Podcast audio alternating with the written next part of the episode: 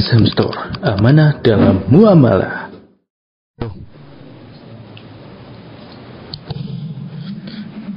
إن الحمد لله نحمده ونستعينه ونستغفره ونعوذ بالله من شرور أنفسنا ومن سيئات أعمالنا من يهده الله فلا مضل له ومن يضلل فلا هادي له أشهد أن لا إله إلا الله وحده لا شريك له وأشهد أن محمدا عبده ورسوله. يا أيها الذين آمنوا اتقوا الله حق تقاته ولا تموتن إلا وأنتم مسلمون. يا أيها الناس اتقوا ربكم الذي خلقكم من نفس واحدة وخلق منها زوجها وبث منهما رجالا كثيرا ونساء. واتقوا الله الذي تساءلون به والأرحام. إن الله كان عليكم رقيبا. يا أيها الذين آمنوا اتقوا الله وقولوا قولا سديدا. يصلح لكم أعمالكم ويغفر لكم ذنوبكم. ومن يطع الله ورسوله فقد فاز فوزا عظيما. أما بعد. فإن أصدق الحديث كتاب الله وخير الهدى هدى النبي صلى الله عليه وسلم وشر الأمور محدثاتها وكل محدثة بدعة وكل بدعة ضلالة وكل ضلالة في النار Para hadirin kaum muslimin dan muslimah yang dimuliakan Allah Subhanahu wa taala. Alhamdulillah pada sore hari ini kita kembali diberikan atau kita masih diberikan kemudahan oleh Allah untuk melanjutkan pembahasan dari kitab Matan Abi Syuja. Semoga Allah Subhanahu wa taala menganugerahkan kepada kita ilmu yang bermanfaat dan menjauhkan kita, melindungi kita dari ilmu yang tidak bermanfaat. Para hadirin yang dirahmati Allah, kita melanjutkan pembahasan masih seputar tentang mandi. Bahwasanya di dalam Islam mandi itu ada yang bernilai ibadah. Mandi itu ada yang bernilai ibadah.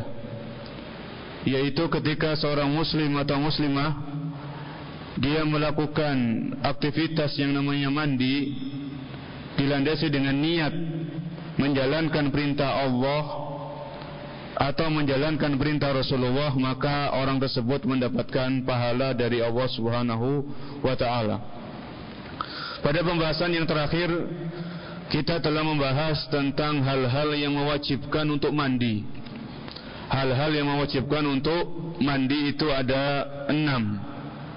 Ada tiga yang berserikat antara laki-laki dan perempuan itu sama yaitu ketika bertemu dua khitan ketika keluar mani atau ketika seorang muslim atau muslimah itu meninggal maka orang ini wajib untuk dimandikan. Ya wajib untuk di, dimandikan. Kemudian haid bagi wanita kemudian nifas bagi wanita kemudian melahirkan. Ya ini menurut madhab syafi'i ada enam hal yang mewajibkan untuk mandi. Dan ini sudah kita bahas. Kemudian kita juga membahas tentang kewajiban-kewajiban yang perlu diperhatikan di saat mandi. Seperti niat. Kemudian membersihkan tubuh atau membersihkan badan dari najis. Dan mengalirkan air ke seluruh tubuh. Adapun pada hari ini kita melanjutkan sunanul husli. Hal-hal yang disunahkan untuk dilakukan ketika seseorang itu mandi. Baik yang mandi sifatnya wajib atau mandi yang sifatnya sunnah. Beliau mengatakan al-imam Abu Syuja rahimahullah mengatakan wa sunanuhu khamsatu asya. Sunnah-sunnah ketika mandi itu ada lima sunnah-sunnah atau hal-hal yang dianjurkan dikerjakan. Ketika seorang muslim atau muslimah mandi yang sifatnya ibadah itu ada lima. Beliau mengatakan at-tasmiyah. Yang pertama adalah membaca bismillah. Yaitu at-tasmiyah membaca bis bismillah. Kalau seseorang ini tentunya di dalam toilet, di dalam kamar mandi, maka dia baca bismillahnya di dalam di dalam hati. Di dalam ha, hati. Jadi sebelum kita mengguyur seluruh tubuh kita dengan air untuk mengangkat hadas besar, maka kita disunahkan membaca Bismillah. Ini sunnah ya hukumnya dianjurkan. Ini yang pertama. Kemudian beliau mengatakan yang kedua di antara sunnah-sunnah ketika mandi wal wudu'u qablah. Yaitu melakukan wudu. Melakukan wudu. Sebagaimana wudu ketika kita hendak sholat. Jadi melakukan wudhu sebelum mandi ini adalah hukumnya sunnah. Jadi begini, misalnya kita bangun tidur di waktu malam, ya kita bangun tidur katakanlah setengah empat, mau sholat tahajud. Kemudian kita mendapatkan pakaian kita basah, di situ ada air mani yang keluar. Kemudian kita masuk toilet, kita baca doa masuk kamar mandi, kita dahulukan kaki kiri. Kemudian kita membersihkan kedua telapak tangan dulu. Setelah tidur kita nggak tahu tangan ini ke mana, maka kita membersihkan kedua telapak tangan. Setelah itu kita baca Bismillah dalam hati, kemudian kita membasuh kedua telapak tangan lagi, kemudian berkumur, memasukkan air ke hidung kemudian dikeluarkan kemudian membasuh wajah. Ya membasuh kedua tangan sampai siku membasuh kepala kemudian uh, mengusap kepala kemudian membasuh kedua kaki. Baru setelah itu kita mengguyur seluruh tubuh kita dengan air mulai dari atas kepala ya tiga kali. Kemudian sebelah kanan tiga kali sebelah kiri tiga kali. Ya ini namanya wudhu yang sempurna yang dicontohkan oleh Nabi Shallallahu Alaihi Wasallam. Ada juga tambahan sebelum Nabi Shallallahu Alaihi Wasallam mengguyur seluruh tubuh beliau, beliau mengambil air, kemudian beliau menyela-nyela rambut kepala beliau dengan jari jemari. Ya jadi ambil air di sela-sela dulu sampai kulit kepala ini kita yakin terkena air. Baru setelah itu kita guyur atau kalau pakai shower ya tinggal nyalakan showernya sampai benar-benar seluruh tubuh ini terkena terkena air. Ya sampai lipatan-lipatan tubuh yang mohon maaf seperti ketiak, lipatan-lipatan paha ini semuanya terkena terkena air. Ya ini wudhu yang hukumnya itu disunnahkan sebelum mandi. Seandainya begini, seseorang itu bangun, ternyata waktunya itu mepet. Jadi dia bangunnya terlambat. Dan sebentar lagi itu mau ikomah. Jadi orang ini kan biasanya sholat subuhnya berjamaah. Sebentar lagi mau komat ini. Wes yang penting saya mandinya sah.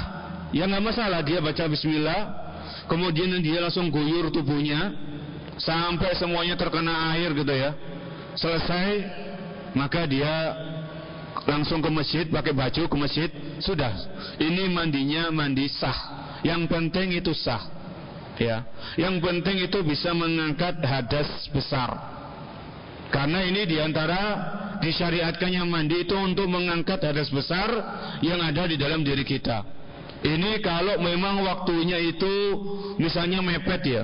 Kita bangunnya kesiangan, sebentar lagi mungkin iqomah, yang penting mandinya itu sah.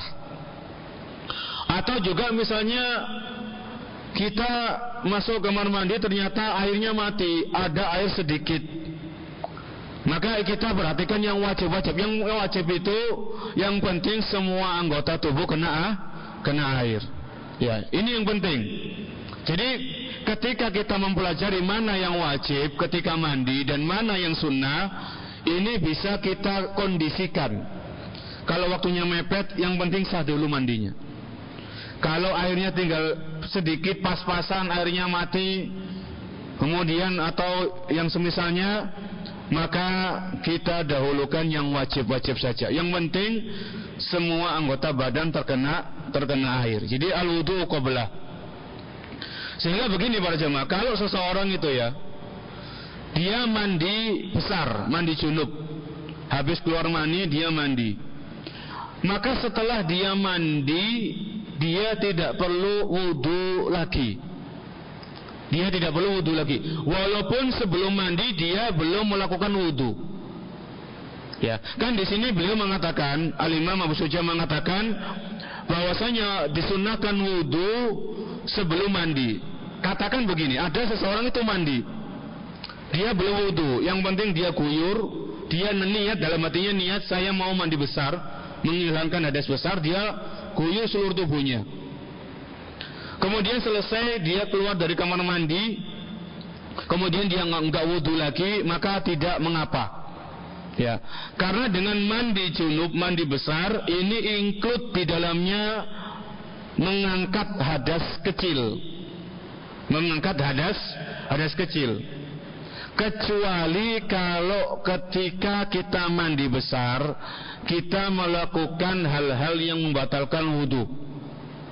Contohnya setelah kita guyur ini ya, kita guyur tubuh kita semuanya, semuanya terkena air, kita cek, semuanya kena air. Ternyata setelah itu kita buang angin. Maka dalam hal ini ketika setelah mandi selesai buang angin, ya kita wajib untuk berwudu untuk mengangkat hadas ke kecil. Bisa dipahami ya? Jadi kalau ketika kita mandi besar, kita niat mandi besar, menghilang menghilangkan hadas besar, Kemudian setelah itu kita tidak melakukan pembatal-pembatal wudhu, keluar kamar mandi sudah nggak usah wudhu lagi, langsung kita bisa sholat. Kalau kita mau sholat atau baca Al-Quran atau yang semisalnya. Ini kalau mandinya itu mandi wajib. Kalau mandinya mandi wah, wajib. Kalau mandinya mandi sunnah, nanti akan kita bahas mandi sunnah itu apa saja. Katakanlah mandi Jumat. Mandi di hari Jumat bagi orang yang akan sholat Jumat, ini nama ini hukumnya sunnah. Kalau mandi ini hukumnya sunnah, kalau mandi ini hukumnya sunnah, maka kalau seseorang ini ketika dia mandi sunnah, dia guyur tubuhnya, ya niat dalam hatinya dia niat saya mau mandi karena saya mau sholat Jumat. Hari ini hari Jumat, kemudian di siang saya mau sholat Jumat, saya mandi sekarang.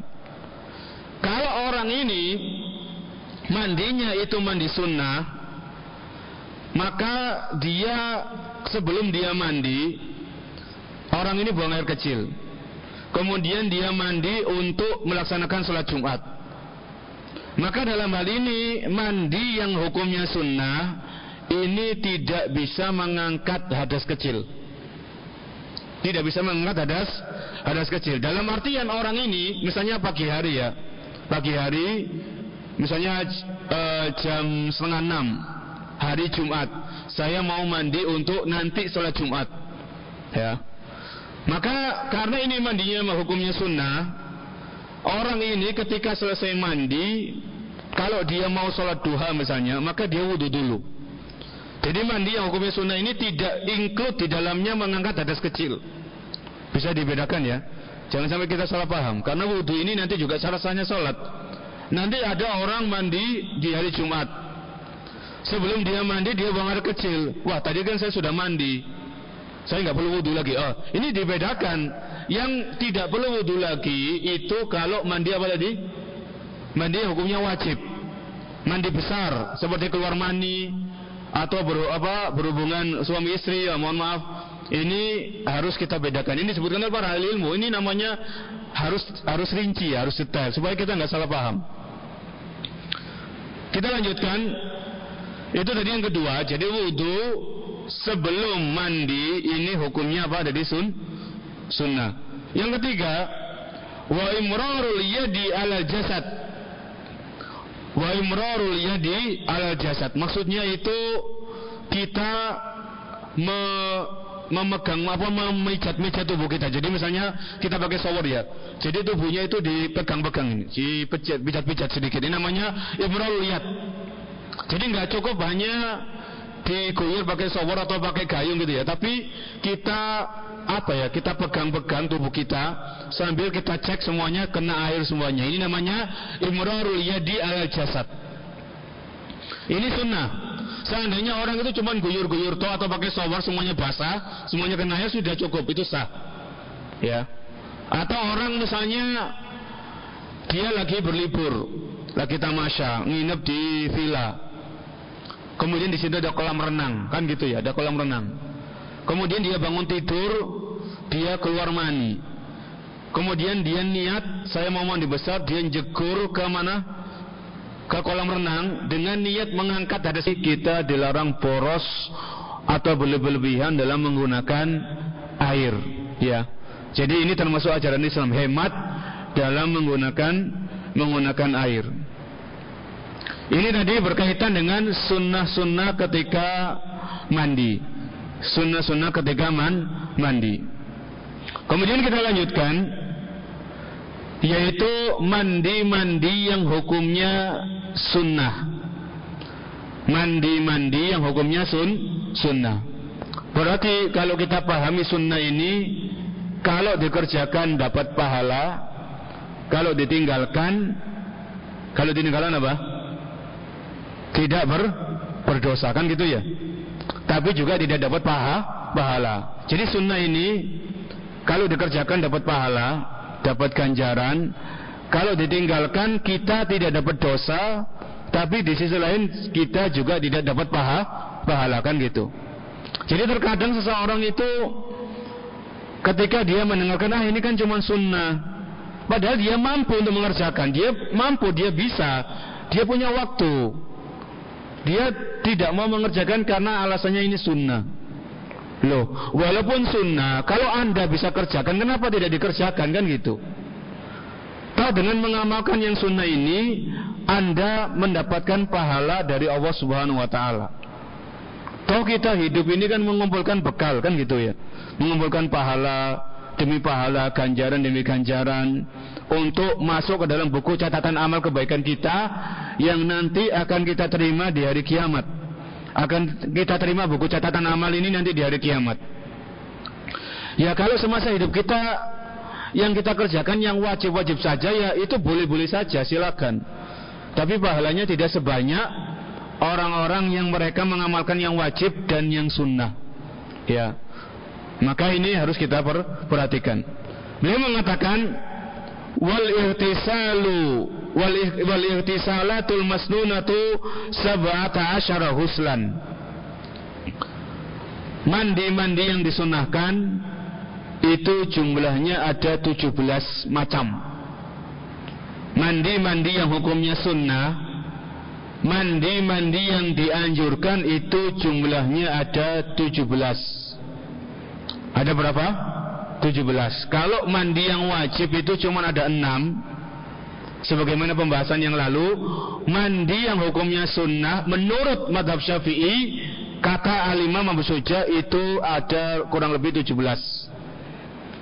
Beliau mengatakan, yang pertama, huslul jum'ah. Di antara mandi-mandi yang disunahkan adalah mandi ketika hari Jumat.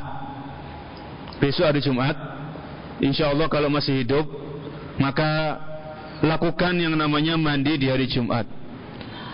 Mandi di hari Jumat ini bukan karena hari Jumatnya. Mandi hari Jumat ini untuk orang-orang yang akan menghadiri sholat Jumat. Sehingga para wanita yang mereka tidak wajib sholat Jumat, mereka tidak disunahkan mandi di hari Jum Jumat. Ya. Atau orang musafir, dia bepergian, orang bepergian dia nggak wajib sholat Jumat, dia wajib sholat duhur. Ini bagi musafir. Maka bagi musafir yang tidak mengerjakan sholat Jumat, dia tetap melaksanakan sholat duhur, musafir seperti ini dia tidak disunahkan mandi hari Jum Jumat. Ya. Dalam sebuah hadis Rasul sallallahu alaihi wasallam bersabda, "Idza jaa ahadukumul jum'ata falyaghtasil." apabila salah seorang di antara kalian hendak menghadiri sholat Jumat maka hendaklah dia dia mandi. Ini hadis dari Nabi Shallallahu Alaihi Wasallam. Jadi sekali lagi mandi hari Jumat ini disunahkan dianjurkan bagi orang-orang yang hendak melaksanakan sholat Jumat.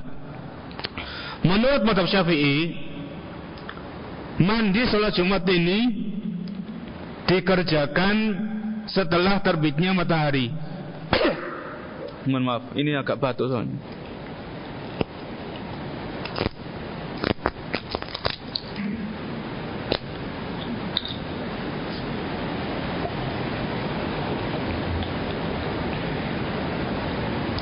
Menurut madhab syafi'i Mandi hari Jumat ini Dilakukan Setelah terbitnya Bukan terbitnya matahari Mohon maaf Terbitnya fajar sodik yaitu setelah masuk waktu subuh. Dan ini bukan madhab syafi'i saja, madhab-madhab yang lain madhab, madhab yang lain itu juga menganjurkan yang namanya mandi Jumat ini dilaksanakan setelah masuknya waktu sholat subuh. Sehingga menurut madhab syafi'i kalau ada orang dia mandi hari Jumat sebelum waktu subuh itu masuk maka mandinya tidak sah dan dia tidak mendapatkan pahala dari Allah Subhanahu wa taala. Ya. Sehingga sebetulnya mandi wajib dengan mandi sunnah itu bisa dikumpulkan. Kalau ini malam Jumat ya, malam Jumat, misalnya nanti malam kita tidur. Besok pagi Allah ngasih kita umur, kita masih bangun. Kita masih bisa bernafas. Setelah bangun tidur ternyata kita keluar mani.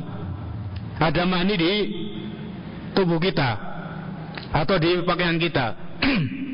Maka kalau kita mau sholat tahajud kalau kita mau sholat tahajud, kita hanya mandi sunub, mandi besar. Kemudian kita baru boleh sholat tahajud atau sholat witir.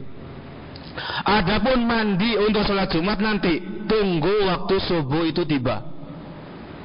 Habis waktu subuh tiba, kita mandi, niatnya mandi untuk sholat Jumat nanti siang hari. Itu baru mandinya sah. Jadi kalau misalnya ini contoh yang lain ya. Jadi kita berikan beberapa gambaran supaya kita paham. Kita nggak cepet-cepetan ya. Jadi kalau memang terlalu lambat, karena kita pengen paham, bukan hanya pengen menyelesaikan kitab, kan begitu ya? Kita kasih contoh lagi. Kalau seseorang malam Jumat, dia malam Jumat kemudian dia keluar mani. Bangun tidur ada mani di pakaiannya. Kemudian ah daripada nanti mandi dua kali mendingan saya mandi sekali dengan dua niat. Yang pertama niatnya mandi junub. Nunggu dia menunggu waktu subuh dia mandi junub plus mandi apa tadi? Hari? Hari Jumat. Untuk sholat Jumat. Ini sah. Namun kalau seperti ini dia nggak dia nggak bisa sholat malam. Dia nggak bisa sholat sholat malam. Karena kalau dia mau sholat tahajud dulu kalau dia bangunnya sebelum subuh ya dia mau sholat tahajud sholat witir dia harus mandi dulu. Mandi junub mandi besar ya. Baru nanti dia sholat tahajud dan sholat witir.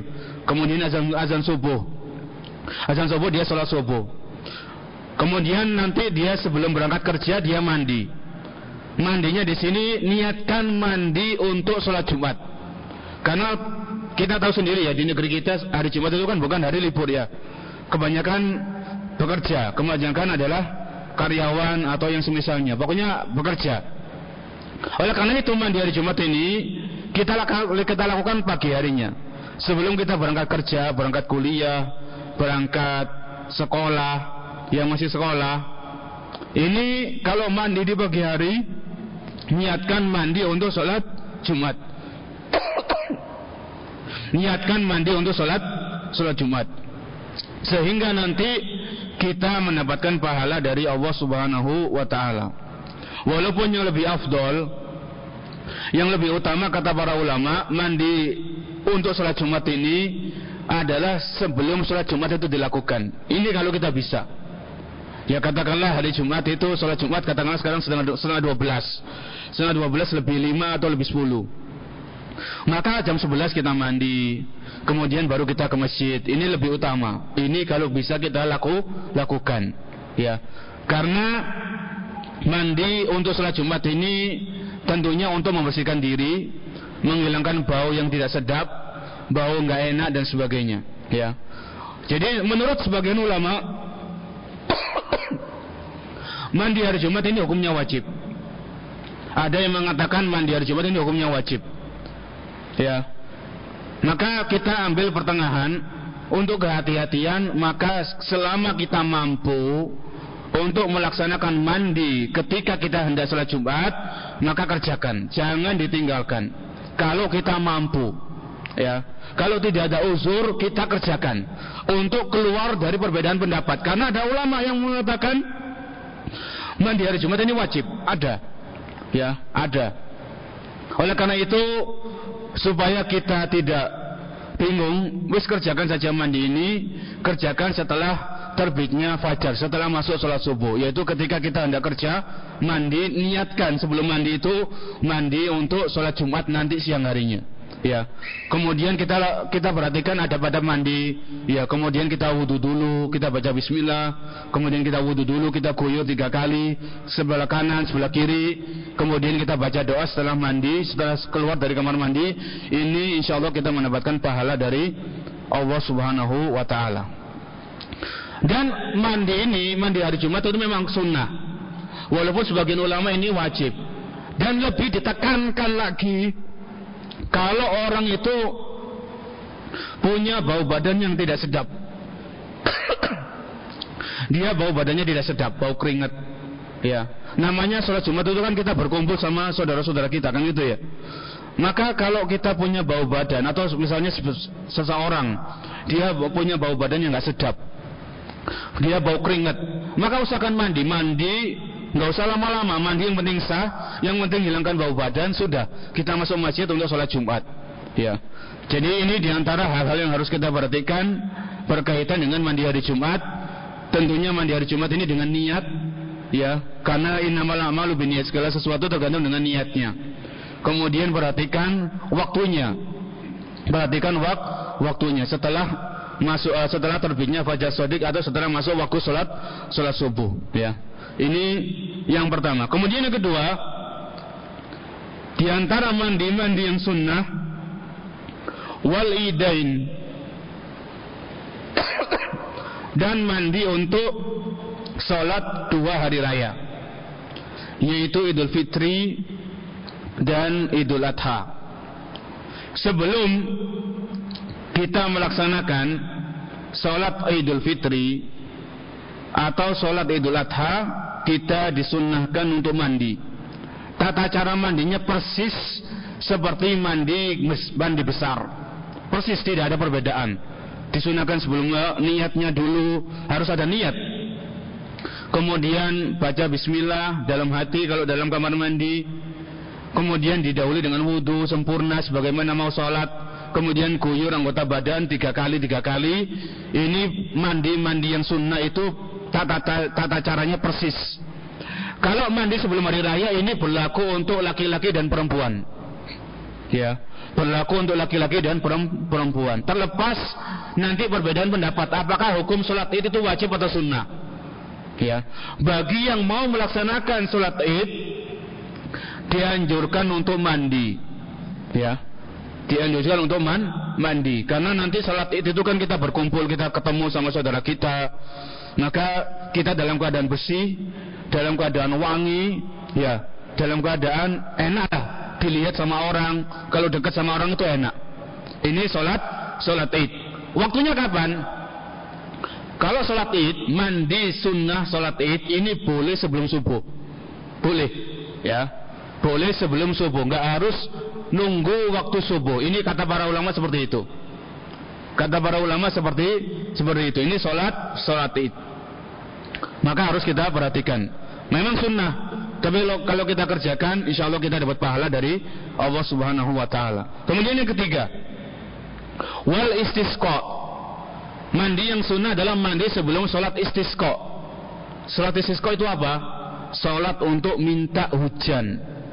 Ya misalnya dalam musim kemarau, di musim-musim kekeringan, di sebagian daerah di Indonesia, itu mereka kekeringan.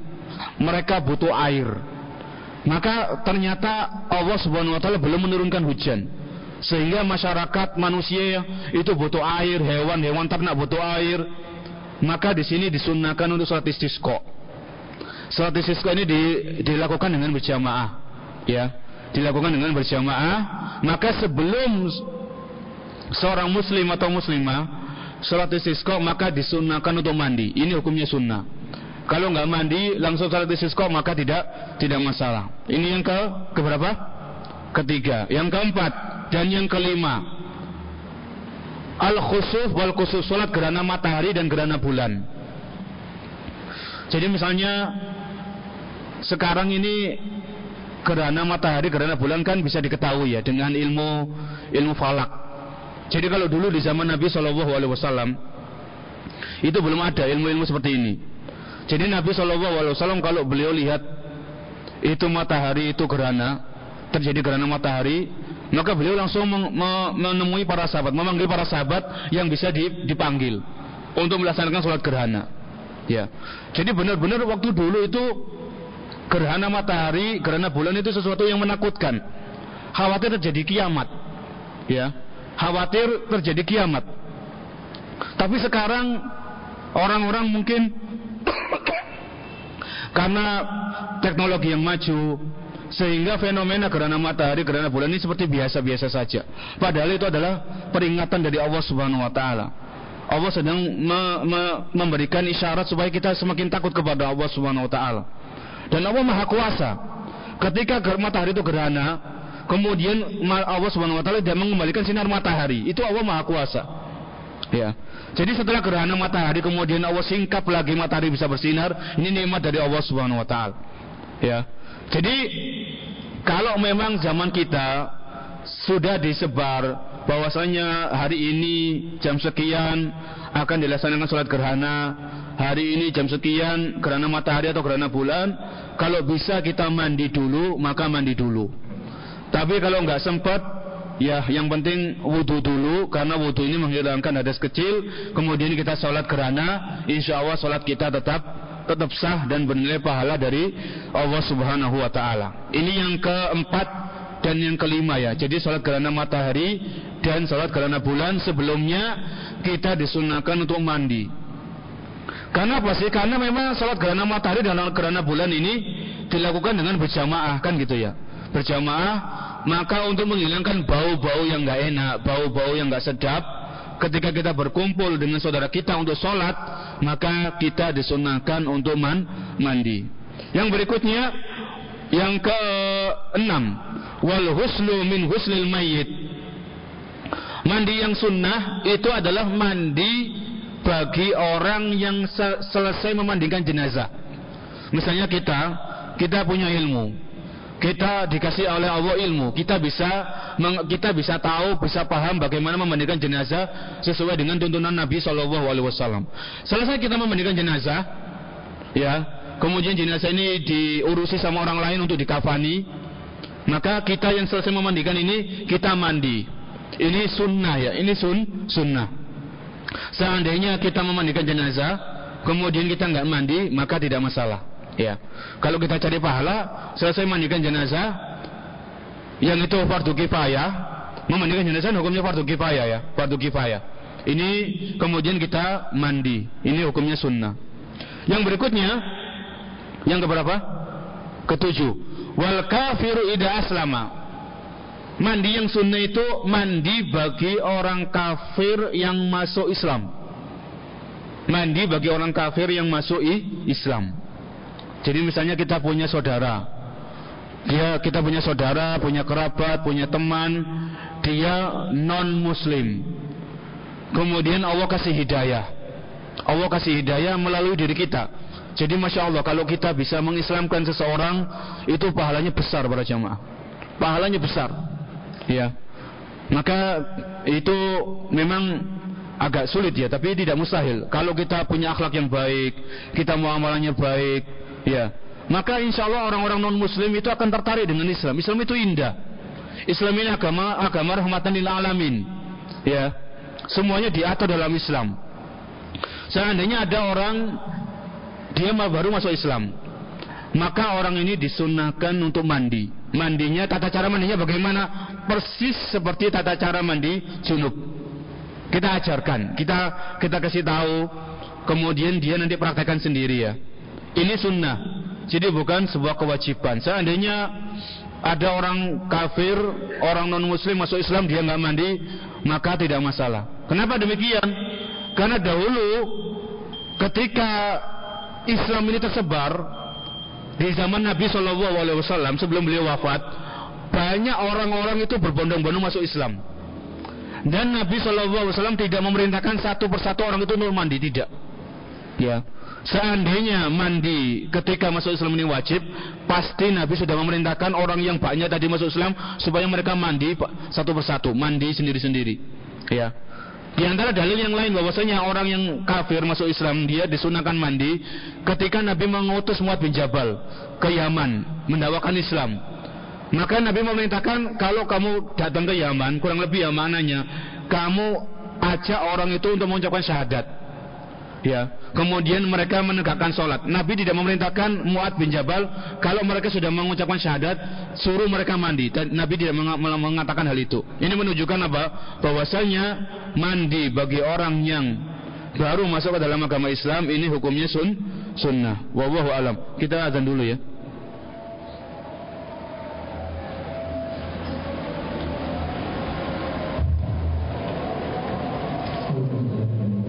Beliau masuk kota Mekah. Ini disunahkan untuk mandi. Ini menurut mazhab Syafi'i. Baik masuk kota Mekah ini untuk haji atau masuk kota Mekah itu untuk sesuatu selain haji. Ya untuk jalan-jalan atau untuk datang ke Masjidil Haram. Maka ini disunahkan untuk mandi karena kota Mekah ini kota suci umat Islam. Ya, yang kota yang diistimewakan oleh Allah Subhanahu wa taala dan diistimewakan oleh Rasul sallallahu alaihi wasallam. Yang berikutnya walil wukufu bi Arafah. Bagi orang yang hendak wukuf di Arafah, ini bagi jamaah haji. Jadi kalau seseorang itu mau wukuf di Arafah, maka dia disunahkan untuk mandi. Kemudian walil mabiti walil, mabiti bi Musdalifah. Orang yang hendak mabit di, mus, di Musdalifah disunahkan untuk mandi. Ini juga untuk jamaah haji. Walil ramil jamarati salas. Dan orang yang hendak melempar jumrah Sebelum mereka melempar jumroh, mereka mandi di hotel, baru mereka keluar menuju ke tempat untuk melempar jumroh. Ini disunahkan mandi. Ini juga untuk jamaah haji. Walid tawaf. Dan ketika hendak, seseorang sedang hendak tawaf, ya sebelum dia tawaf, dia mandi di hotel, maka kemudian dia masuk ke Masjidil Haram, dia langsung tawaf. Ya.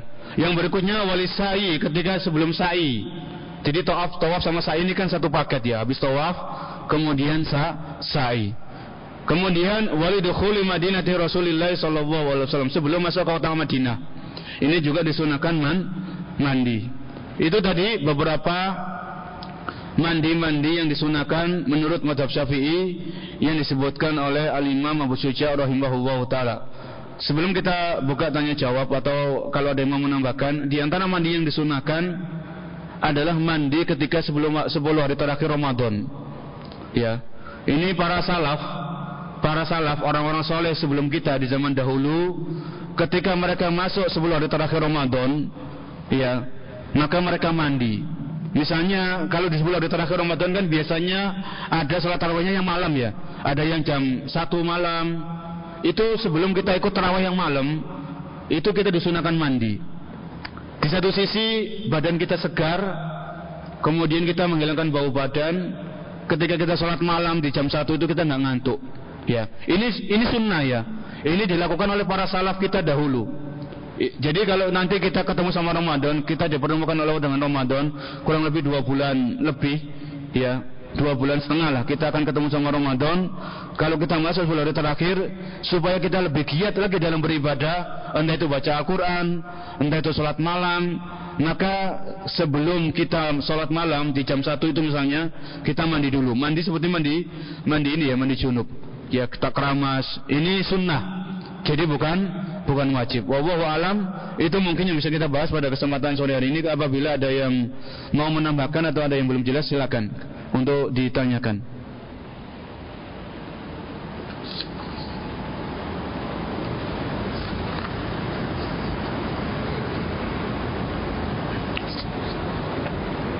Sepertinya jelas ya, tidak ada yang bertanya kayaknya.